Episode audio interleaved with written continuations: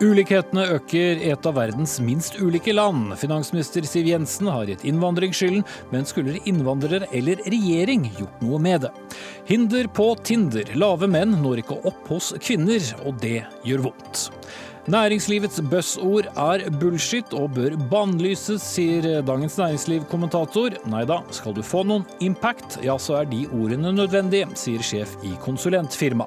Og det er eh, problemer innad i Rødt, for eh, hva skal den herskende klassen egentlig kalles? Borgerskapet eller kapitalistklassen? Rødt debatterer mot Rødt.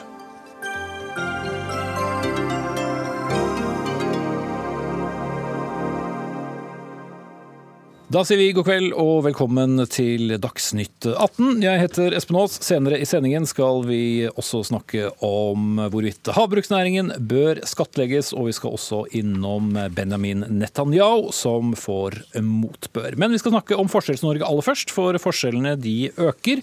Det er flere fattige barn nå enn for 30 år siden. Oppsummeringen kom fra regjeringen, som la frem stortingsmeldingen om sosial bærekraft og ulikhet i dag, populært kalt ulikhetsmeldingen hos opposisjonen.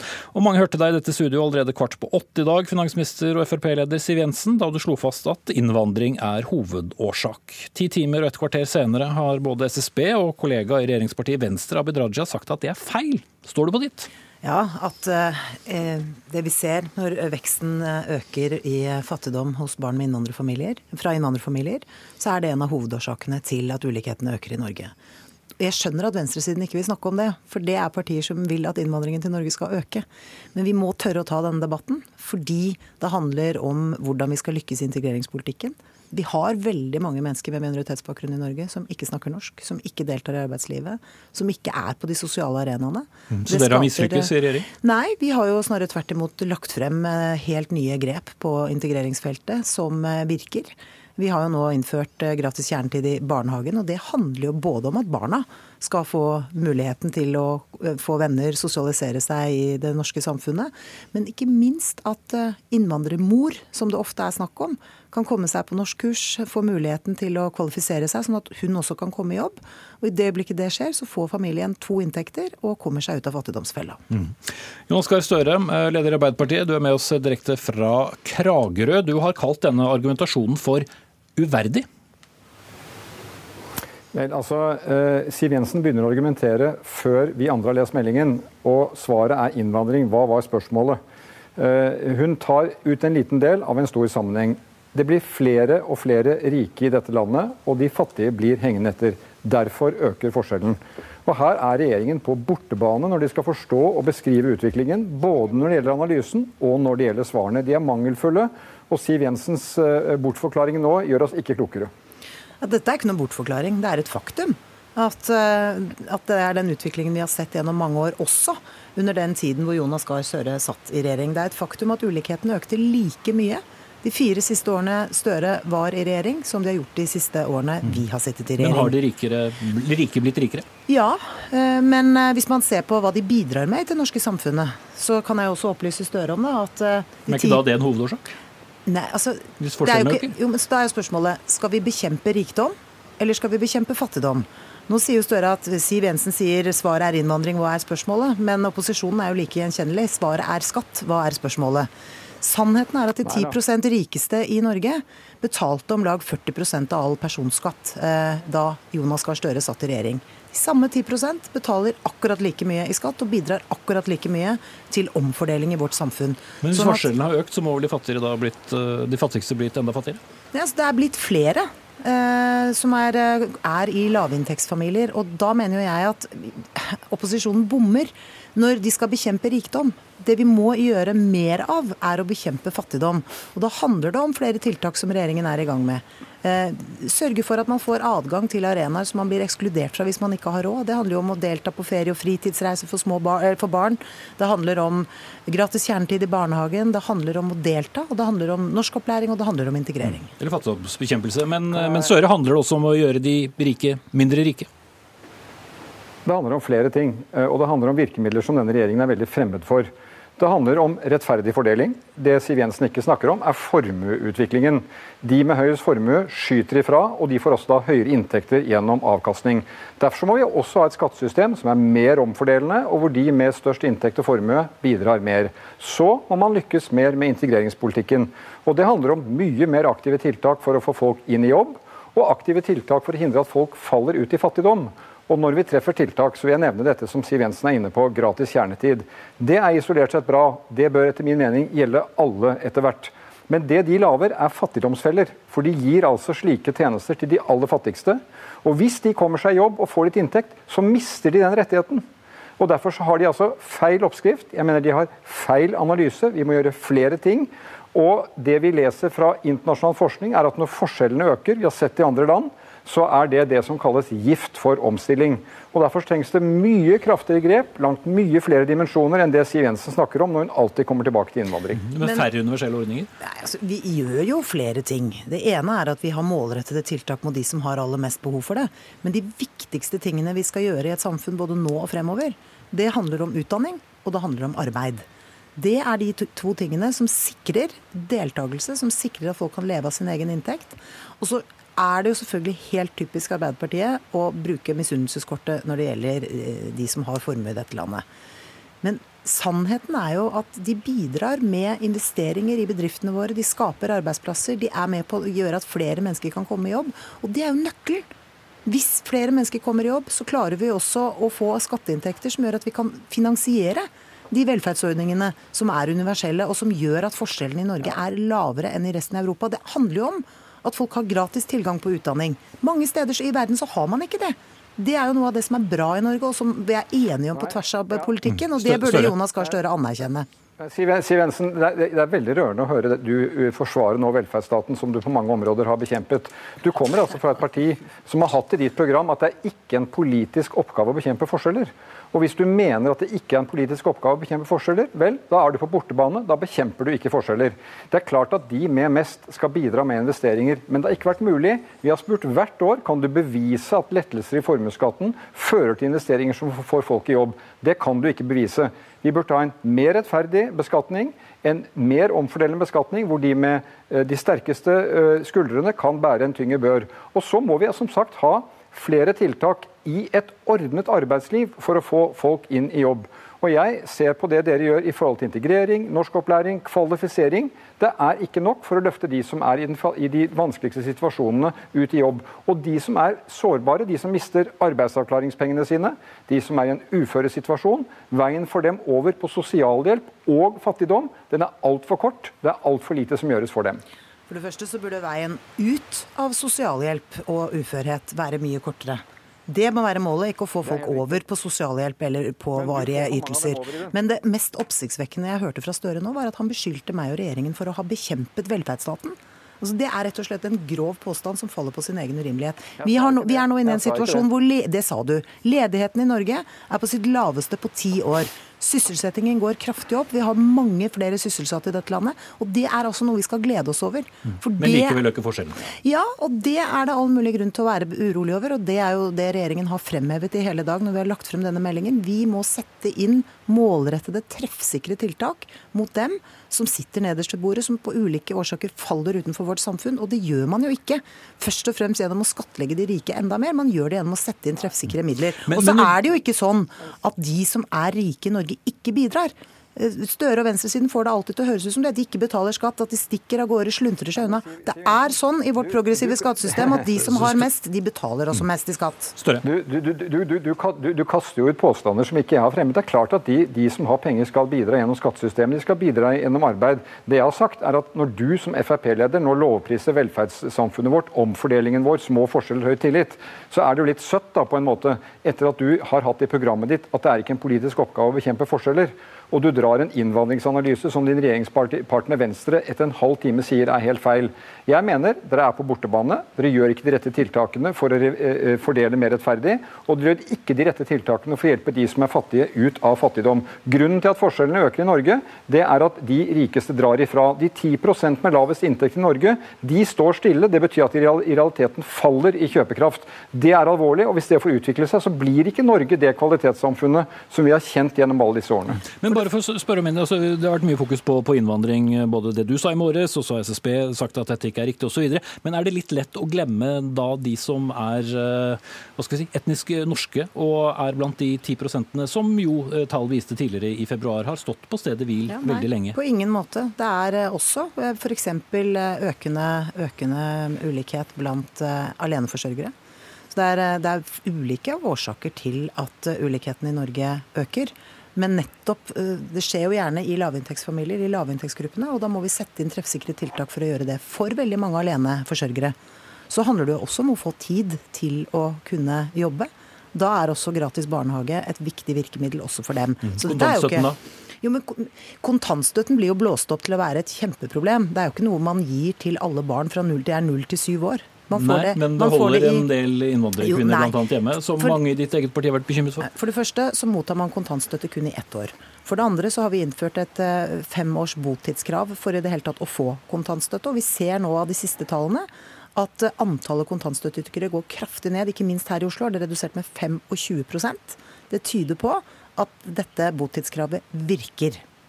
Men eh, Jonas Gahr Støre, et til eksempel. Hvis, hvis, du skulle overtatt nå med, med, en regjering fra i morgen, hva er det første du ville gjort annerledes for nettopp å begrense eh, disse forskjellene? Klart, eh, På rene tall så, så, kan man enten da skattlegge de, de rikeste eh, enda hardere, men det hjelper kanskje ikke så mye da for de nederst ved bordet. Eller hva, hva ville virket raskest? Har gjort flere ting. Eh, det med et mer rettferdig skattesystem det mener jeg er viktig. Jeg mener de, de har gitt store skattekutt til de med mest. De med formue har skutt ifra. Og de med høy inntekt kan også bære mer. Det kan gi en mulighet til å sette inn tiltak på andre nivå. Men vi må gjøre mer. Eh, jeg ville også uh, sørget for at de ordningene med gratis kjernetid, det med at vi etter hvert får en aktivitetsskole, det skal gjelde til alle, slik at ikke du låses fast i en fattigdomsfelle gjennom en altfor lang behovsprøving. Det ødelegger veldig viktige ting ved vår velferdsstat. Så ville jeg hatt mye mer aktive tiltak for å få folk inn i arbeid. De fattige barna i Norge, det er ikke barna som er fattige, det er foreldrene deres som er fattige. Hva er veien ut av fattigdom for dem? Det er jobb. Og da må vi sørge for at når de kommer inn i jobb, så er de kvalifisert, de har lært norsk, og så må de ikke miste velferdsordninger når de kommer inn i jobb. Og så ville jeg som sagt hindret at folk kom i vedvarende fattigdom ved at når de f.eks. på slutten av arbeidsavklaringspengene sine når de kommer til veis ende, så skal det være brå avslutning, og så er det på uh, sosialhjelp. Der sa Støre noe jeg er enig i, nemlig at uh, nøkkelen til suksess er å få flere i arbeid. Det legger regjeringen til rette for. Vi har nå satt i gang en stor og omfattende inkluderingsdugnad som handler jo om mange mennesker i vårt samfunn som har følt seg parkert på utsiden av vårt arbeidsmarked i mange mange år. Enten fordi de har hatt et hull i CV-en, hatt et rusproblem, en psykisk diagnose, hva det nå måtte være.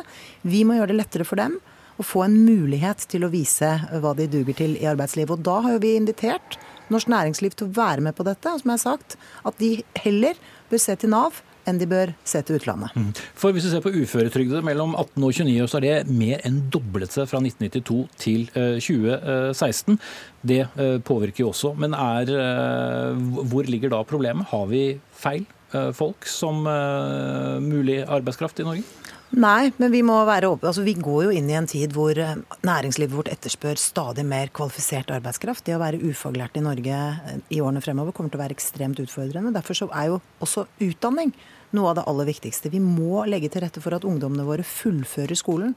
For det er jo, Alternativet er å ikke komme i jobb. Eh, og det kan vi rett og slett ikke tillate. Derfor så må vi gjøre alt vi kan for at flere ungdommer fullfører videregående opplæring, sånn at de kan komme i jobb. Mm. Til slutt, eh, Støre. Er du fornøyd med forklaringen på at de, eh, det er også bra at de på toppen i samfunnet har muligheten til å reinvestere penger, og derfor også trenger andre skatteinsentiver? Ja. Det er kjempefint at de med, med penger eh, investerer eh, det de tjener. Problemet er at de skattekuttene regjeringen gjør, bidrar ikke til det. Men nå har jo Siv Jensen sagt ganske mange fornuftige ting om områder hvor vi trenger, vi trenger å gjøre noe. Hun er altså på vei Jo, men altså utdanning, komme i jobb, det er viktig. Jeg mener de gjør for lite. Og hun henger fortsatt fast og har brukt ett døgn før vi andre deres melding til å snakke om at det er innvandring, innvandring, innvandring. Det er FrPs sak. Men la meg si en ting til slutt. Vi har små forskjeller i Norge fortsatt. Vi er har et sterkt immunforsvar mot økte forskjeller og redusert tillit. Men vi er ikke immune. Og hvis du tar vårt naboland Sverige I 2006, da den borgerlige regjeringen kom, så var det det landet med minst forskjeller i OECD. Etter åtte år med den regjeringen så hadde man beveget seg til å være midt på lista. Det går nemlig veldig fort når det skjer. Og vi er i akselerasjon på økte forskjeller. Regjeringen er på bortebane i denne kampen, og de gjør for lite for å bremse det. Men det er med respekt å melde bare tøv. Den politikken regjeringen fører virker. Arbeidsledigheten er den laveste på ti år. Sysselsettingen går opp, eh, og vi har mye å glede oss over fremover fordi investeringene øker. øker. Nei, de, ja. forskjellene øker like mye nå som under de fire årene du satt i regjering sist. Og ikke minst mellom dere to. Takk til Jonas Gahr Støre, leder av Arbeiderpartiet, og finansminister Siv Jensen, også leder av Frp.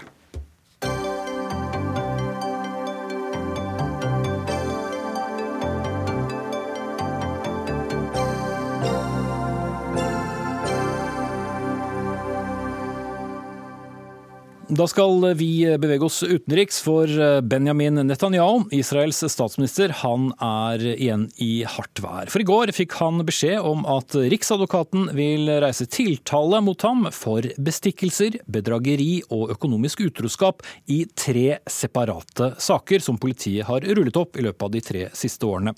Og det kan bety at Netanyahu, som nå har vært statsminister i 13 år, risikerer å tape valget 9.4. Og Sissel Wold Wold, eh, korrespondent i Istanbul og tidligere Midtøsten-korrespondent. Eh, hva handler egentlig denne saken om? Ja, Disse tre sakene handler om Netanyahus forhold til to milliardærer. En av dem er fra Hollywood. De har gitt ham eh, flotte gaver, dyre sigarer og mye rosa champagne. Og også smykker til kona Sara, mot at de da skal ha fått tjenester. Det er sak nummer én. Sak nummer to handler om Aynon Moses, som er hovedaksjonær i eh, Bessek, som kan sammenlignes med det norske Telenor, også et svært selskap. Men også hovedaksjonær i, i en av Israels største aviser, Yediot Achronot. Og mot eh, positiv medieomtale i denne store avisen, så skal da denne forretningsmannen ha fått gunstige avtaler og gunstige vilkår for sine forretninger. Eh, den siste er en avtale mellom Netanyahu og eieren av et nettsted som heter Walla. Og denne personen er eh, Ja, det er han som er den hovedaksjonæren i Bessek, beklager. Eh, det er tre saker. Og han Det er den samme saken. Altså Netanyahu har da gjort en avtale om en positiv dekning av dette nettstedet Walla mot at Bessek-aksjonæren, altså det samme som Telenor, skulle skulle få eh, fordeler i eh, forretningsavtalene sine.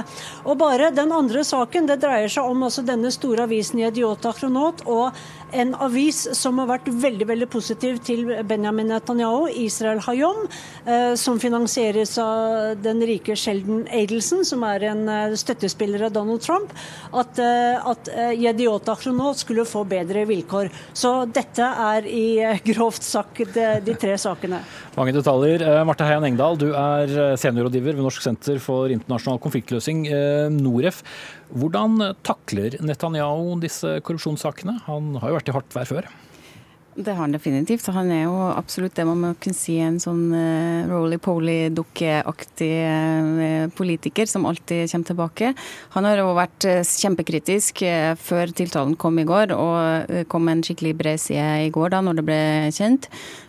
og hovedlinja går vel på at det er en heksejakt. Det er den venstrevridde pressen eh, som har eh, fått eh, Riksadvokaten til å komme til denne konklusjonen.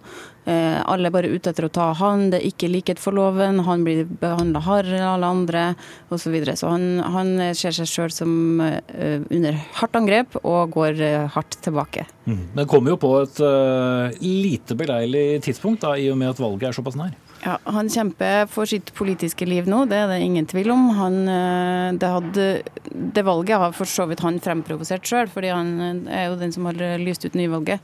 Og han eh, blir nok nå Det er helt klart at for, for, å ha liksom rekkefølgen på det. Selv tiltalen ble annonsert nå, men det skal, høring, eh, det skal opp i en høring, og den høringa kommer ikke til å komme før valgdagen. Det tar lang tid.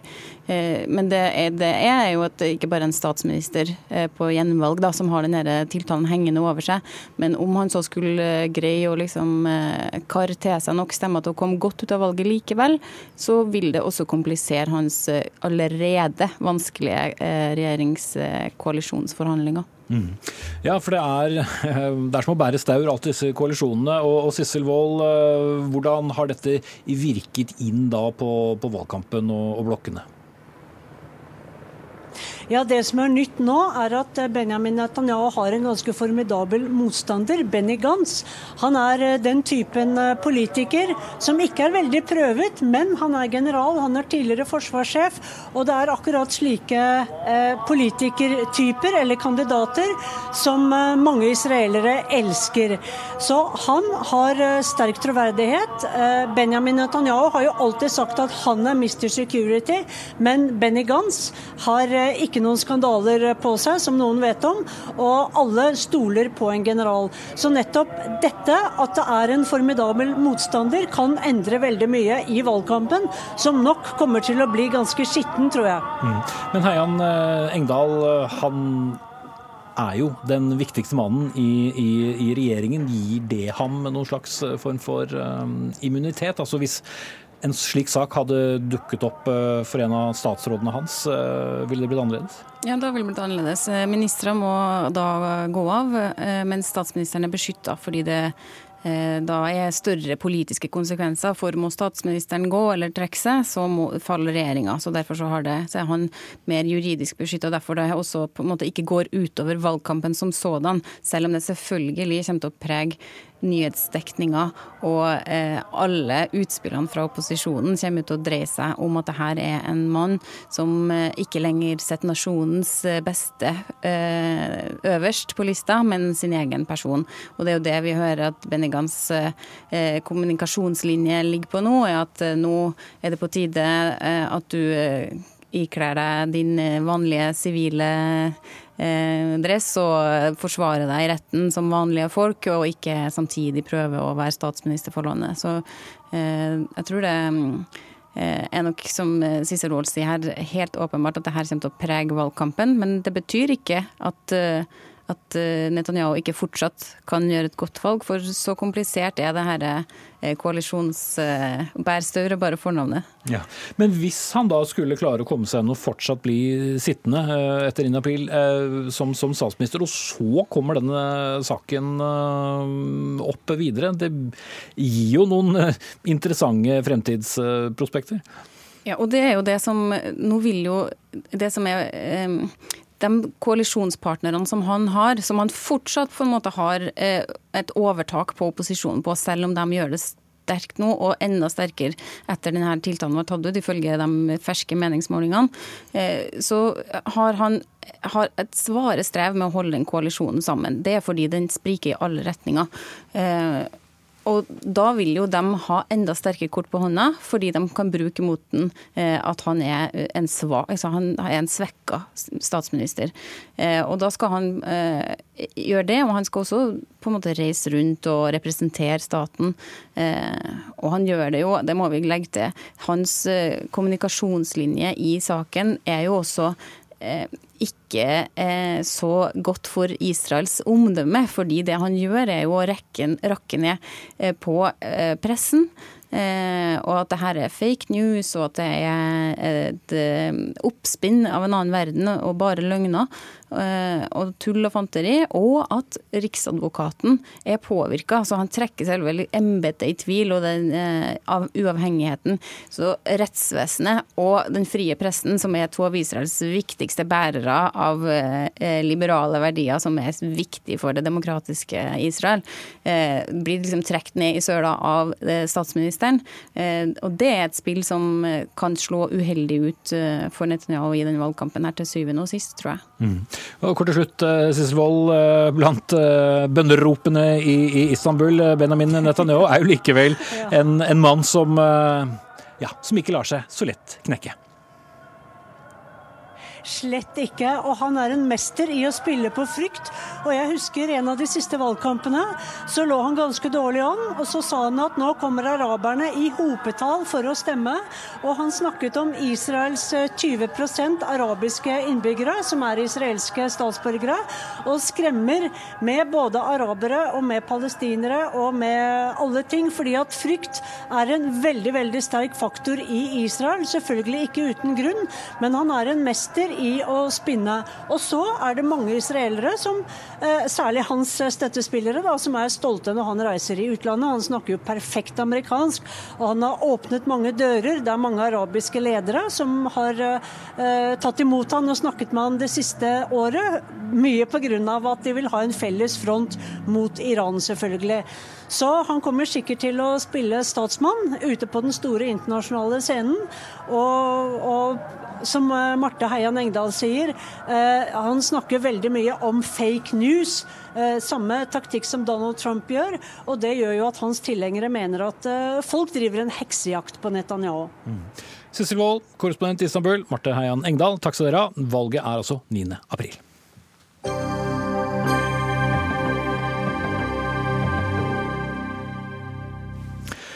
Så skal vi snakke om uh, situasjonen for uh, lave menn. De tjener mindre enn høye menn, i høyere grad barnløse enn høye menn, og de blir sveipet vekk på datingapper som Tinder. Dette er i hvert fall påstandene som kommer frem i en svært mye lest ytring her på NRK. Torstein Norum Bugge, det er du som lufter frustrasjonene i, uh, i ytringen. Hvordan er det å være en lav mann på datingmarkedet? Nei, altså Stort sett så er det veldig bra å være en lav mann, som å være alle andre menn. Men uh, på datingmarkedet så er det jo litt utfordrende innimellom. Det kan være høyere grad av avvisning. Det kan være at du sveiper 100 ganger på Tinder uten å få en match, og det er jo selvfølgelig litt kjipt. Men uh, mitt utgangspunkt for den kronikken var i utgangspunktet ikke Tinder, men en bredere debatt enn som så i større deler av samfunnet, og også i sammenheng med den debatten som har foregått om eh, barnløse menn og frustrerte menn og sinte menn og incels og Jordan Peterson og all den debatten som har vært rundt det, som jeg har følt har vært en veldig polarisert debatt. Og jeg ønsket å være en alternativ stemme i den og trekke fram et eksempel på et problem som den norske mannen anno 2019 sliter med, og belyse det og skape debatt rett og slett. For de som måtte lure, hvor lav er man hvis man ser på seg selv som en lav mann i Peter? I Norge så er du en lav mann per definisjon hvis du er under 180 cm, som er gjennomsnittet i Norge basert på Statistisk sentralbyrås beregninger mm. fra egen uh, melding fra sesjonen. Um, men lav kan du vel først kanskje, kanskje hvis du er godt under det, og det vil jo jeg si at jeg selv er, siden jeg er 1,70. Mm. Så noe av kronikken er jo basert på dine egne opplevelser derfra. Ja, nemlig. Og, og, bare for å ta den biten også. Altså, hvordan har du merket det selv? Altså, du tar opp mange ting i, i, kronikken din uh, som du sier, som handler mer, mer om dating. men altså, uh, mye av det, den diskusjonen du drar opp med, med Jordan Peterson, sinte unge menn osv., handler, handler om en frustrasjon. Hvordan opplever du personlig de tingene som, som blir pekt på? Altså, I hverdagen så opplever man jo ikke disse tingene så veldig mye. Det er mer sånne små ting hele tiden som er kanskje er underbevisste fra de som gjør det sin side. Og dette gjelder jo ikke bare høyde, det vil jeg bare påpeke. Dette er veldig mange ting. Det kan handle om etnisitet, det kan handle om vekt, det kan handle om sosial status. Høyde er bare ett eksempel på det. Og det er et eksempel jeg valgte fordi at det er noe jeg selv har en relasjon til. Det er viktig å understreke. Um, men uh, i Altså sånn, Man opplever det mest selvfølgelig i møte med det motsatte kjønn. Ofte fordi der er det underliggende krav, som ofte kanskje er også biologisk eh, definert. Mm. Um, du kan ja, stoppe deg, kanskje... skal Det skal vi snart snakke om. Jeg skal bare innom uh, Ane Hagen, som er datingekspert og, og driver uh, nettstedet Matchme. Ja, for å være så plump, kan en, kan en lav mann lett finne kjærligheten? Eh, ja. Eh, som med alt annet man skal lykkes med, så handler det om mental innstilling. Eh, og det er jo Jeg skjønner jo problematikken. Eh, og jeg velger å liksom legge vekt på problematikk, for det er det vi ofte har hovedfokus på når vi snakker om ting som ikke fungerer innenfor dating. Så er det liksom de problemene, og, og et av de problemene som blir dratt om, er jo da høyde. Og jeg skjønner det fordi at det er veldig sterkt når du får det eh, i fleisen hele tiden på Tinder, at hvis du er eh, høyere, lavere enn det, så gidder jeg ikke å snakke med deg. Men, men eh, det viktige her er å ha fokus på løsninger og ikke på problemene. Eh, og det ser jeg at når en mann som f.eks. er lav, ikke rik nok, eh, har en annen hudfarge enn det man ser på som populær, eh, begynner å justere litt på innstillingen, så skjer det også endringer. Og sutring er jo det verste kvinner vet. Så det er liksom Det tror jeg er veldig viktig å ha i bakhodet her, da. Mm. Ja, Bugge, man må være forsiktig med å være opptatt av det. Jeg er veldig bevisst på at den artikkelen jeg skrev, veldig lett kan oppfattes som sutring. Og det påpekte jeg også selv i artikkelen, at jeg kanskje, hvis jeg ikke hadde bedre ting å skrive om, så burde jeg bruke tiden min på andre ting. Men eh, hovedpoenget mitt med den artikkelen var å skape debatt. Og i motsetning til det kanskje veldig mange tror, og som jeg har hørt i kommentarene på den artikkelen, er ikke jeg sitter ikke og har det så fryktelig fælt fordi at jeg mangler 10 cm på sokkelesten. Sånn er det jo ikke. Det er jo selvsagt. Um, det er mer til det at jeg har lyst til å skape en debatt om det. Jeg søker ikke å løse Men likevel om noe som er, som er et uh, problem. Man kan for så vidt nyte av disse Ja, er 10 centimeterne. Men Ja. det er jo ikke som om du går gjennom dette uten å føle en frustrasjon. Nei, det, det, det er klart. Altså, alle føler på frustrasjon av ulike ting i livet. Det er sånn. Jeg sier ikke at høyde er veldig spesielt av den grunn, er poenget mitt.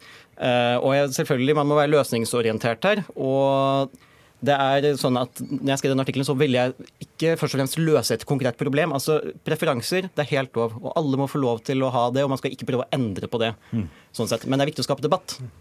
Eh, Jens Andreas Husby, du er atferdsbiolog, og noen kjenner deg kanskje også fra TV-serien Gift ved første blikk på, på TV Norge. Men eh, la oss gå på det biologiske. Altså, Har lave menn det vanskeligere på datingmarkedet fra et evolusjonært perspektiv? Ja, det har de. Og uh, det er, uh, det er faktisk sånn at høyde er litt spesielt. Kvinner, hva er det som gjør det? Kvinner har egentlig ikke så veldig mange altså De har ikke like hangup på kropp da, som, som menn har når de ser på partner, men akkurat høyde er de, er de opptatt av. Og jeg synes det var litt interessant da, den, den Tinder-saken som kom opp med hvor, hvor kvinner stiller krav til at man skal være over 180 cm. En del studier av kontaktannonser, altså lenge før Tinder, viste at eh, kvinner foretrekker menn over six foot. Så det er nesten som man skulle trodd at disse norske Tinder-jentene hadde lest disse amerikanske studiene og oversatt eh, eh, feet til centimeter, og stilt akkurat samme kravet. Men eh, hva, hva har det å si? Jo, Fordi eh, det er vel mer interessant eh, hva Torstein eller noen andre har å by på helt andre ting? Ja, eh, altså det, det handler jo dypest sett om hva kvinner er ute etter hos en mann. Eh, og evolusjonært så har mye av det handlet om trygghet og, og omsorgsevne og eh, ja, eh, ja, mulighet til å forsvare henne. Eh, og, og det sitter fortsatt i oss. Så, så det er jo sånn at kvinner både eh, foretrekker menn som er over 180 cm, men også nesten eksklusivt vil ha menn som er høyere enn seg selv. Uh, og så kan man si, kontre det med veldig mye andre ting. F.eks. dette med selvsikkerhet, som, som du er helt eh, riktig inne på. Uh, og, og heldigvis for menn så, så teller selvsikkerhet, disse her med si, tegnene på at du faktisk eh, har noe å fare med, at du har ressurser, at du tror på deg selv og sånt. Og det teller mer da enn enn høyde. Eh, Anna Hagen, du som eh, gjør dette på profesjonell eh, basis. Man kan jo tenke seg at det er et Lett å tenke at det er en viss grad av overfladiskhet hos kvinner. For det er jo helt riktig som ble sagt her, at eh, kvinner har da en del, en del kvinner har, har noen høydestandarder. Eh, Det er jo noe med det, den, eh, at man bruker Tinder i tillegg, da, hvor det, er, det går på det overfladiske. Det er det vi ser på. Det er ikke de indre verdiene eh, som blir tatt i betraktning. Og, og det er sånn, hvis du skal Jeg tror det er veldig viktig å skille mellom det å lykkes på Tinder og det å lykkes med kjærligheten, for det er to vidt forskjellige ting. Eh, og det er veldig mange, både menn og kvinner, som må begynne å tenke på det at eh, selv om du ikke lykkes på Tinder og ikke får mange Det er akkurat samme som på, med likes på Facebook. Det betyr ikke at du ikke kommer til å lykkes med kjærligheten. Jeg har jo eh, matcha veldig mange lave menn, jeg, med flotte, høyere kvinner. Eh, sånn at det, det er ikke Problemet her er at man, man fokuserer for mye på det at man blir valgt vekk, istedenfor å fokusere på de verdiene man har. Og akkurat sånn som han sier, at det er andre ting kvinner ser etter når de velger en partner. Det er trygghet. Eh, og de to tingene som gjør at en kvinne synes en mann er attraktiv som en partner, er jo faktisk beundring og respekt. Eh, Så hvis en mann har en lidenskap for noe, så er det mye mer sexy enn at han har et eh, fysisk fint utseende. Mm. Bare for å snu på flisa, Husby, er det, har vi de samme altså, altså menn som benytter seg av datingapper, har, har de de samme, eller samme, samme type standarder som går på andre ting? Ja, vi har jo det. Eh, Menn er faktisk mer opptatt av utseende enn kvinner. Så sånn sett kan vi si at vi er mer eh, overfladiske. Eh, eh, Men samtidig så har vi, vi har ikke anledning til å være like kresne. Så, så, det er i større grad kvinner som velger. Og en, en mann vil jo ha, generelt ha mange færre kvinner å, å velge mellom enn det en, en, kvinne vil ha menn å velge mellom. Og så har du én differensiator på det, og det er menn som da er høye. De har da mulighet til å velge mellom mange flere kvinner mm. enn en det lave menn har. Mm. Eh, Torstein Norum Bugge, eh, vi skal snart uh, runde av. Men uh, tør folk også å si, altså når du møter folk, og tør du si til deg at vet du hva, jeg er for lav? Eller handler det litt om at det valget er litt lettere å gjøre når du bare er et bilde på en uh, mobilskjerm? Altså, en del jeg møter, vil ikke Altså, mange, mange kvier seg veldig for å ta opp dette. Det er klart. Um, og det er selvsagt at det ikke er eh, lett. Um, men jeg vil bare påpeke her at den artikkelen jeg sendte inn, den var, over, den var, egentlig ikke vinklet på Tinder. Det var det en vinkling som NRK gjorde internt. Da jeg, vinklet, da jeg vinklet den saken opprinnelig, så nevnte jeg Tinder én gang. Okay. Og jeg snakket mer ut fra et slags eh, generelt perspektiv på dette her, i hverdagen også. Og jeg er egentlig ganske dårlig på Tinder. Det vil jeg bare understreke her. Ja da, Vi skal ikke henge oss opp i den, men jeg tenker, tenker, tenker generelt. altså av, ja. i, i, i, hvor stor grad du opplever det i dagliglivet som at du vil bli sett eh, på annerledes enn om du var 10-15 cm høyere? Det vil man nok. Det er jeg helt sikker på. I forsamlinger og lederskikkelse. Det er noe man klart har bedre og liksom autoritet hvis man er høyere. Det, det tror jeg helt på. Det er jo det man kaller det Napoleon-syndromet, med at man må ta mer plass hvis man er liten. Vi skal eh, runde av der. Eh, normalforholdet mellom menn og kvinner hvis dere lurer på det, gjennomsnitt er rundt 15 eh, cm på lengde. Og hvis dere bryr dere om andre ting, 15 kg hva tyngde angår. Takk skal dere ha alle tre. Torstein Norum Bugge, som skrev kronikken. Jens Andreas Husby, som er atferdsbiolog. Og Ane Hagen.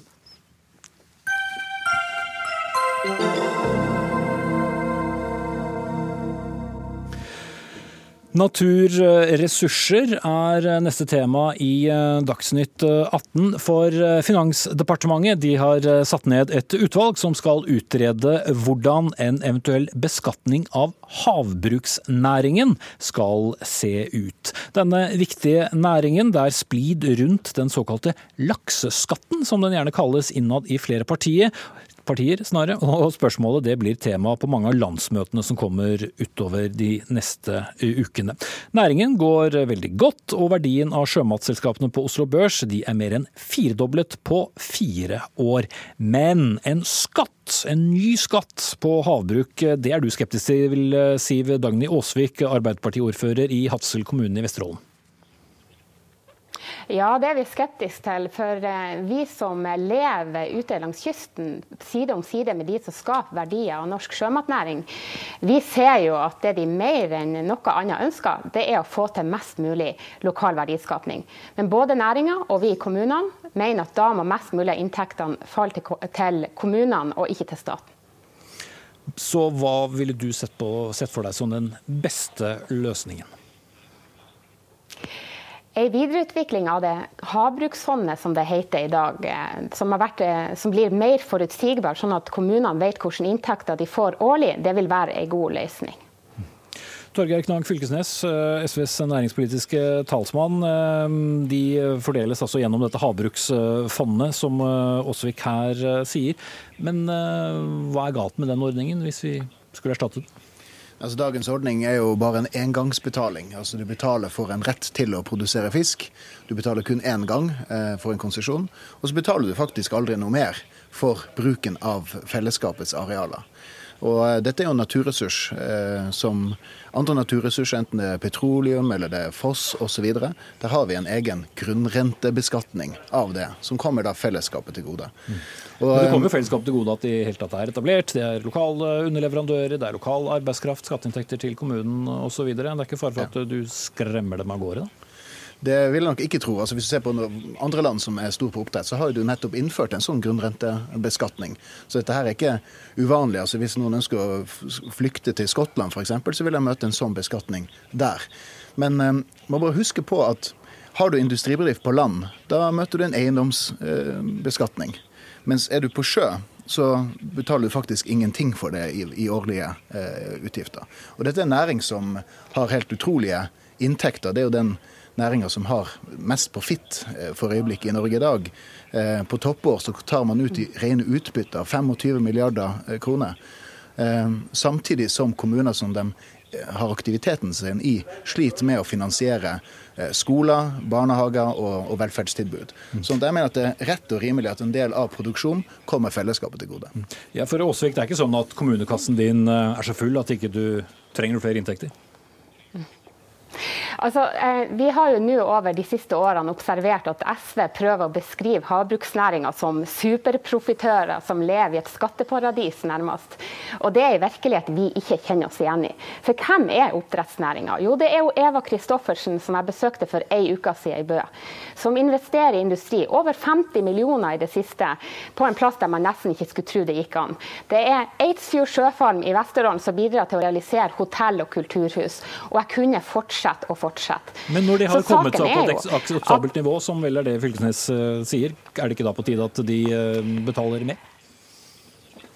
Jeg tror jo at det er klokt å, å ikke gjøre ukloke skattlegginger av havbruksnæringa. For det handler egentlig om følgende valg. Vil vi bidra til at flere arbeidsplasser flyttes på land i Miami, store landområder der, eller, eller vil vi at det skal etableres flere arbeidsplasser langs kysten i Norge?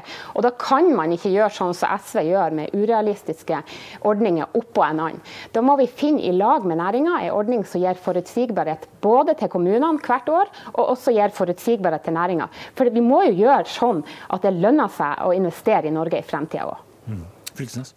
Altså det er lønner seg jo kolossalt for næringa å investere i oppdrett. Det ser vi jo bare på, på, de, på det enorme utbyttet som de har. Altså Enkelte har et, en, et resultat på over 30 eh, i, av omsetninga som overskudd i, drift, og tar ut store utbytter. Eh, og det som, skje, det som, har skjedd i denne næringa her eh, over siste tida, er at du hadde en teknologisk utvikling der du trenger stadig færre folk. Og så har det også vært en eierkonsentrasjon. Sånn at i Finnmark f.eks. det er ingen lokale eiere i, i hele Finnmark. Altså eierne som driver oppdrettsvirksomheten i Finnmark, de, de er da eh, bosatt andre steder. I Troms 18% av oppdrettsvirksomheten der er eid lokalt. I, i, fin, i, i Nordland, som er da eh, ordføreren sitt eh, fylke, så er det under halvparten.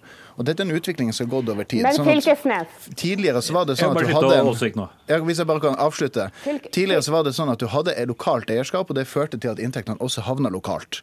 Eh, Men det er ikke situasjonen lenger, og da mener jeg at det er naturlig å tenke at skatt som skal da komme lokalsamfunnene okay, til gode. Åsvik. Men Fylkesnes, Det virker jo som at SV ikke forholder seg til at, eh, at eh, norsk havbruksnæring er i en sterk konkurranse internasjonalt. For det er sånn at stadig flere norske aktører etablerer seg i utlandet. I USA, Russland, Danmark, og jeg kunne fortsette. Og vi ser også at den norske teknologien som havbruksnæringa lokalt har fått til de siste årene, den blir kopiert av aktører i Asia. Så spørsmålet er hvorfor skal vi eksperimentere med konkurransekrafta til norsk havbruksnæring som SV legger opp til? Jeg har like liten tro på SV sin medisin i skattlegginga som jeg har når SV sier at det vil lønne seg for sjømatnæringa at vi går ut av EØS. Jeg tror rett og slett medisinen til SV er feil. Altså, jeg vet ikke hvor god ordfører i Hassel kommune har fått for seg at eh, SV ønsker å øke det totale skattetrykket på oppdrettsnæringa. Altså, vår løsning er faktisk å redusere eh, det samfunnet tar på konsesjonsavgifter, og heller flytte det over i produksjon. Og Det er diskusjon som jeg har hatt med mange oppdrettere eh, rundt omkring i landet, og mange mener at dette er en bedre løsning, sånn at du får løpende inntekter til, til kommunene og til fellesskapet. Eh, sånn Det er vårt utgangspunkt, at vi ønsker å flytte eh, rett og slett inntektene til samfunnet der. Og så er det jo, eh, det er jo altså Vi har veldig gode konkurransevilkår for oppdrettsnæringa i Norge. Det er en av de næringene som betaler minst skatt eh, av alle næringer i Norge. Men det blir mindre lønnsomt, altså bunnlinjen blir påvirket av det. Ja, altså for å si det sånn eh, du, Når en sånn næring, når du tjener så, når du har så stor profitt Ta Kvænangen som et eksempel av en kommune i Troms. Eh, De får da en skatteinngang på eiendomsavgift eh, der på rundt 15 000 kroner i året av den virksomheten som er der, samtidig som de aktørene som er der, Marine Harvest, tjener mange mange millioner av samme kommune. Og da er det en, det er en sånn situasjon at det er rett og rimelig at når du bruker et sånt areal, okay, at ja, det- kommer da det- eh, den kommunen da til. Det har du forklart, og jeg må dessverre stoppe deg er der, dårlig eh. Åsvik. Det er altså flertall for utredningen, men helt klart eh, hva det blir flertall for etter denne utredningen, er foreløpig høyst uklart. Takk til Siv Dagen Åsvik, Arbeiderpartiordfører i Hadsel kommune, og Torgeir Knag Fylkesnes, stortingsrepresentant for SV.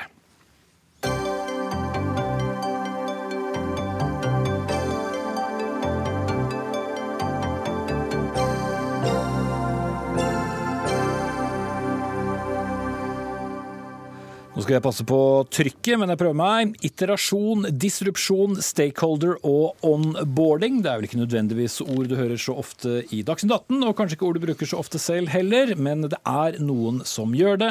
Særlig konsulenter og ledere i næringslivet. Er det kanskje bare del av en nyttig fagsjargong? Nei, Eva Grinde, det syns ikke du. I en uh, kommentar i uh, din avis Dagens Næringsliv denne uken så ramset du opp uh, sju såkalte buzzord, eller buzzword, som du mener med hell kan bannlyses. Hvorfor må vi gå så dramatisk til verk? Nei, Årsaken er vel at uh, vi som sitter midt i næringslivspressen, vi blir jo utsatt for en, en god del sjargong. Enten det er kildene, eller det er noen som vil invitere oss på konferanser, eller det er uh, våre egne møter med våre egne salgsavdelinger. Um, som, um, som jeg opplever at ordene blir brukt ikke primært for å gjøre seg forstått eller for å peke på noe vi er enige om hva betyr, men for å signalisere en eller annen type tilhørighet, f.eks. Et slags stammespråk? Et slags stammespråk, og, en, og, gi en type autoritet uten at man egentlig er helt presis på hva man snakker om. Akkurat det med iterative prosesser er jo helt eh, selvopplevd. Jeg satt i et møte og noen snakket i vei og skulle fortelle oss andre hvordan de jobbet, og da ble det bare slengt ut med disse prosessene. Og så stilte jeg noen spørsmål om hva i all verden det var for noe. Og da handlet det egentlig om at man jobbet på en måte hvor man hele tiden sjekker underveis hvordan det går, istedenfor å sitte inne i et rom og gjøre alt til eh, etter at så går det et halvt år, så finner man ut at det ikke virker. Og det høres jo smart ut, men, eh, men eh, det var ikke så lett å forstå det ut fra den bruken av ordet. Mm. Grim Jønnes, daglig leder i rådgiverselskapet Crisps Ideas. Du har svart på denne kronikken med egen kronikk og sier at disse ordene har sin berettigelse. Men hvorfor er det viktig å si disrupsjon i stedet for utkonkurrering, f.eks.? Fordi disrupsjon betyr noe annet enn utkonkurrering. Disrupsjon betyr utkonkurrering i en spe spesifikk situasjon, nemlig nye forretningsmodeller eller ny teknologi. Og det opplevde jeg som situasjonen med stort sett nesten alle av disse ordene, ikke, ikke, alle, men mange av disse ordene, at det var presise fagbegreper som brukes i konsulentmiljøer, som brukes i, i ledergrupper. Men ganske eh, små miljøer, eh, eller? Man snakker til sine likesinnede som har, kommer fra de samme skolene, som skjønner hva disse ordene betyr. Og så kan man godt argumentere for at disse ordene har ikke den samme meningen utenfor disse gruppene. Mm. Sier du ofte at du skal til en lokasjon i stedet for et sted? Nei, akkurat det med lokasjon Kommunikasjon syns jeg i og for seg er et ord man burde unngå. Men eh, jeg gjorde en opptelling av dette var syv ord. Eh, tre av dem er fagtermer. To av dem er eh, ganske presise fagtermer på engelsk, som i dag av konsulenter normalt oversettes. To av disse ordene var litt slapp, slapp språkbruk, rett og slett. Så ikke så mye bullshit, som du kaller det? Han har jo rett i det at hvis man er enig om hva man snakker om, så kan det fungere som fagterminologi. Og jeg deler jo også inn i denne kommentaren som jeg skrev, altså fagterminologi har en absolutt nyttefunksjon. Uh, F.eks. at en snekkerlærling vet forskjell på ulike typer spiker, eller at flyveledere kan snakke med flyvere om hva uvær, begrepet for uvær f.eks. Veldig nyttig. Men når du eh, flytter ut til ja, og, andre dødelige? Ja, når jeg skal ut på kvelden og snakke med noen helt nye, så bør de helst ikke slenge rundt seg med Det er én variant, ikke sant. Uh, hvor du signaliserer at du tilhører en, en kompetent gruppe på et eller annet vis, og så skal folk spørre hva mener du med det og sånn. Det, det, er én måte. Men også når det gjelder disrupsjon f.eks., så er det blitt et veldig populært begrep etter at han Clayton Anderson, eller hva han het for noe, på 90-tallet skrev en bok som ble en sånn bibel. Um, og ja, det høres tøffere ut, rett og slett. Å disrupte, ødelegge, gå inn, endevende bransjer med ny teknologi, med ny, med ny eksponentiell teknologi, som, uh, som, fordobler sin verdi hver, hver 18. måned og sånn. Um, ja. Og så kan man dra på seminar i Silicon Valley og lære om det til en, en ganske sånn fet uh, honorar der. Men er det egentlig Jønnes da Jeg var greid å peke på at uh, snekkere sikkert uh, bruker fagterminer på, på spiker og flygeledere sitt, men er det, er det, et stammespråk, eller er det noe som sprer rundt seg og som ikke kan erstattes med, med, med gode norske ord? Hvis du hadde begynt å bruke norske oversettelser, så, så hadde ikke dine likesinnede skjønt hva du snakket om? Ja, så Det er jo ganske små fagmiljøer i, i Norge. og Mange av disse konsulentene, næringslivslederne, de, de har jo utdannelse fra utlandet og har kanskje lært de engelske ordene. Eh, jeg tror nok man eh, vil se at det dukker opp en del norske versjoner av disse ordene. Beste praksis har erstattet best practice, tror jeg. Eh, jeg skal ikke garantere det, men jeg tror f.eks. Det lar seg forstå, i hvert fall. Ja, av de som og- bare kan best practice. Og, og, og det var det oppfattes generelt blant konsulenter som eh, bra å fremstå som språklig kompetent. Og å være språklig kompetent betyr å snakke norsk i mange sammenhenger. Mm. Men får det riktig impact? Det får riktig impact. Og, og, og det er jo det kommunikasjonen handler om. Man ønsker å oppnå noe oss tilhører, eh, og det gjøres nok best hvis man snakker godt, godt språk, og kanskje primært norsk. Men du skrev jo også et innlegg i Dagens Næringsliv, og der regna jeg med du ville snakke til mange. Ja. Og Der skrev du f.eks.: hvorvidt antikkens retorikk eller McKinseys situasjon-komplikasjonløsning. Ja. Ja. Altså, Kommunikasjonsløsning? Nei, jeg tror ikke det var det jeg skrev. Men jeg, altså det jeg er opptatt av, det er at For jeg er ikke så opptatt av disse buzzwordene og at det er så feil. Det jeg er opptatt av, er faktisk at man skriver og snakker godt Uh, på fortrinnsvis på norsk. Jeg oppfatter eh, i norske næringslivsmiljøer, konsulentmiljøer, at man kunne med fordel forbedre språket. Det finnes en del rammeverk som bl.a. går tilbake til antikkens retorikklære, eller McKinseys eh, strukturer for, eh, for å organisere argumentasjon. Og, og, og det fungerer bra for meg, og jeg tror det ville fungere bra for veldig mange andre også. Det er jo veldig bra at du er opptatt av språk, og det håper jeg mange flere er også i, den, i din bransje. Mm. Men det kan bli et problem. Hva tenker du på? Nei, altså, Den ordbruken kan Ja. bli et problem. Ja, det kan jo det. fordi at det, det å gjøre seg forstått og være tydelig har jo noe med altså Det er mye lettere å forholde seg til noen som er tydelig på hva de mener. Altså det kan bli, Idet det blir utydelig, så kan det også bli eh, vanskelig å samarbeide. Man kan misbruke makt på den måten. Eh, det er absolutt en eh, fordel å prøve å gjøre seg forstått og bruke så vanlige ord som mulig. Mm. Buzzword hadde ikke noe særlig impact på deg, hører jeg i hvert fall. Takk skal du ha, Eva Grende, kommentator i Dagens Næringsliv, og Grim Jønnes i Crisps IDS.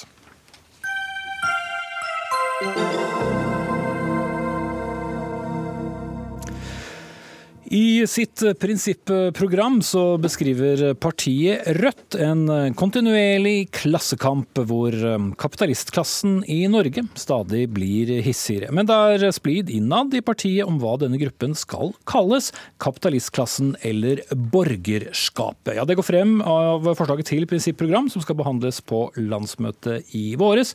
Og Ingeborg Steinholt, du er leder i komiteen for prinsipprogrammet og er en del av flertallet som mener at den herskende klassen da, skal kalles for kapitalistklassen. Og hvorfor er det riktig betegnelse?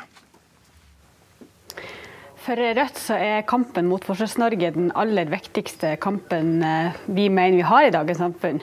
Og det er jo litt sånn som eh, Jonas Gahr Støre sa for eh, knappe halvtimens tid siden, at det blir flere og flere rike her i landet, og det er grunnen til at ulikhetene øker. Skal vi klare å gjøre noe med de her forskjellene som nesten hele det politiske landskapet nå er enige om at vi har, så må vi ha en måte å analysere hvorfor vi har de her forskjellene på. Og Derfor mener vi det er viktig å ha en analyse av hvem er de her som tar en stadig større del av velstandskaka vår. Og det er Eh, kapitalistklassen. Flertallet i komiteen mener at ja, eh, vi mener at det er kapitalistklassen som tar den større, større og større del av velstandskaka vår. Og vi mener at det er viktig å bruke, bruke det begrepet fordi borgerskapet kanskje gir for stor assosiasjon til, eh, til 1700-tallets Frankrike. Vi mener at kapitalistklassen gir eh, et mer presis eh, definisjon av denne delen av befolkninga. Og det er derfor LO bruker dette begrepet. Mm. Janne Lisæter Håkonsen, du deler mindretallssyn om at borgerskap, eller bourgeoisie, som vi bruker det i akademia bl.a., er det mest dekkende begrepet. Hvorfor det? Ja, um, det er um, Det er øh, flere grunner til det. Øhm, men uh, som begrep, da, borgerskap, øh, så er det et allerede stadfesta begrep, og et begrep som er tradisjonelt brukt innen da marxistisk teori, og det er jo det som marxistisk teori som Rødt bygger da politikken sin på. Eh, og Mindretallet mener jo da at det er et eh, mer dekkende eh, begrep for makthaverne i et kapitalistisk samfunn, et klassesamfunn som Norge er. Eh, fordi det rommer mer. Når man sier kapitalistklassen, så og uansett hvilket begrep man bruker her, om man bruker kapitalistklasse eller borgerskap, så tenker jeg at det er noe som man må forklare, og det er noe man ønsker å forklare også. Men hva assosierer Eh, du med, med borgerskapet, da? Det ordet som en på, på innsiden av partiet? Ja, det som, eh, det som mindretallet tenker, er at eh, det dekker Når du bruker borgerskap, så vil det både dekke kapitaleiere, altså kapitalistfolk med store formuer, da. Men det vil også dekke andre maktpersoner som eh, vi finner høyt oppe i, eh, i samfunnspyramiden, som da eh, i kraft av eh, sine posisjoner har større innflytelse i samfunnet enn det folk flest har. Du kan f.eks. være toppdirektør eller høyt oppe i en konsernledelse i et selskap uten å eh, eie store mengder kapital eller eh, være veldig rik, men i kraft av den posisjonen du da har, så styrer du over veldig mange menneskers eh, liv gjennom at du styrer deres arbeid. Derfor så ønsker vi da borgerskapet. da. Og det kan, eh, Jeg er jo enig med Ingeborg i at det mm, gir jo assosiasjoner til, eh, til gamle tider. Men det er et veletablert begrep, og det er ingenting i veien for å gjenreise det begrepet. Mm. Men, eh, men Steinholt, hvem tilhører da kapitalistklassen? Altså, hvor, hvor er skillet til borgerskapet? Hvis du skal sette inn i en norsk sammenheng? Det er ingen uenighet innad i komiteen om hvem som tilhører toppen i det norske samfunnet. Jeg er helt enig med Janne i at eh, de som sitter på store rikdommer gjennom å ha posisjoner i selskapet, og en del av kapitalistklassen, selv om at de ikke selv har kapital. Så det er ingen uenighet om hvem det her gjelder, vi er bare uenige om hvilke begreper vi skal bruke. Eh, litt sånn som den debatten som var rett før oss nå, det handler om å bruke begreper som kanskje er litt mer norske enn en borgerskapet i dag er. Men det er heller ikke noe nederlag for noen i komiteen om at vi taper på landsmøtet og borgerskapet blir det vi bruker. Men eh, altså, forskjellige partier bruker forskjellige ord om eh, hvem som tilhører hvilke klasser. og snakker om kultur, elite, politisk eh, elite osv. Eh, og mange er jo opptatt av at det er en gruppe med makt. Selv, eh, selv menn med villa på, på Nordstrand og lønn på mange hundre tusen som, som leder Rødt, til og med. Men hvor, hvor faller stortingsrepresentantene inn? Er de, er de unntatt eh, den ene eller den andre? Er de en del av borgerskapet? Eller kapitalistkassen? Altså, eh, i kraft av å være eh, folkevalgt, så tilhører du ikke borgerskapet, vil jeg si. Men det er klart det at hvis du har beina dine godt planta eh, i, eh, i eh, posisjoner som gir deg mye makt, F.eks. Eh, du er arving av en stor formue som er bygd på andre menneskers svette. Eh, og du har styreverv i store selskap. Du er med på å styre over andre menneskers liv og hverdag. Mm, Rett før du kunne si navn her. Det er rett før jeg kunne si navn. og du eh, kommer inn i toppolitikken, så er det klart at det er ett ekstra lodd som legges på den maktskåla. Mm. Så du har jo Altså, du har jo kryssposisjoner, da, hvis vi kan si det. Mm. Enig i det, eh, Ingeborg Steinholt i Bodø? Ja, det er klart at eh, Så har du enkelte politikere, sånn som Siv Jensen, som selv om hun ikke sitter på personlige store formuer, så, så har hun en, eh, disponerer hun enorme velstandsmengder gjennom eh, sin posisjon som finansminister, og det er klart at hun da er en del av, eh, av kapitalistklassen. Mm. Borger eller kapitalistklasse, det er eh, det store spørsmålet. Eller det er ikke det store spørsmålet, men i hvert fall det vi har debattert nå, og som dere skal eh, enes om når dere går til landsmøte landsmøtet i Rødt. Janne Lisedatter Håkonsen her i studio, og i studio i Bodø, Ingeborg Steinholt. Denne sendingen mine venner, nærmer seg slutten. Ansvarlig for den, Fredrik Lauritzen. Det tekniske ansvaret hadde Finn Lie. Jeg heter eh, Espen Aas. Vi er tilbake med fersk sending på mandag.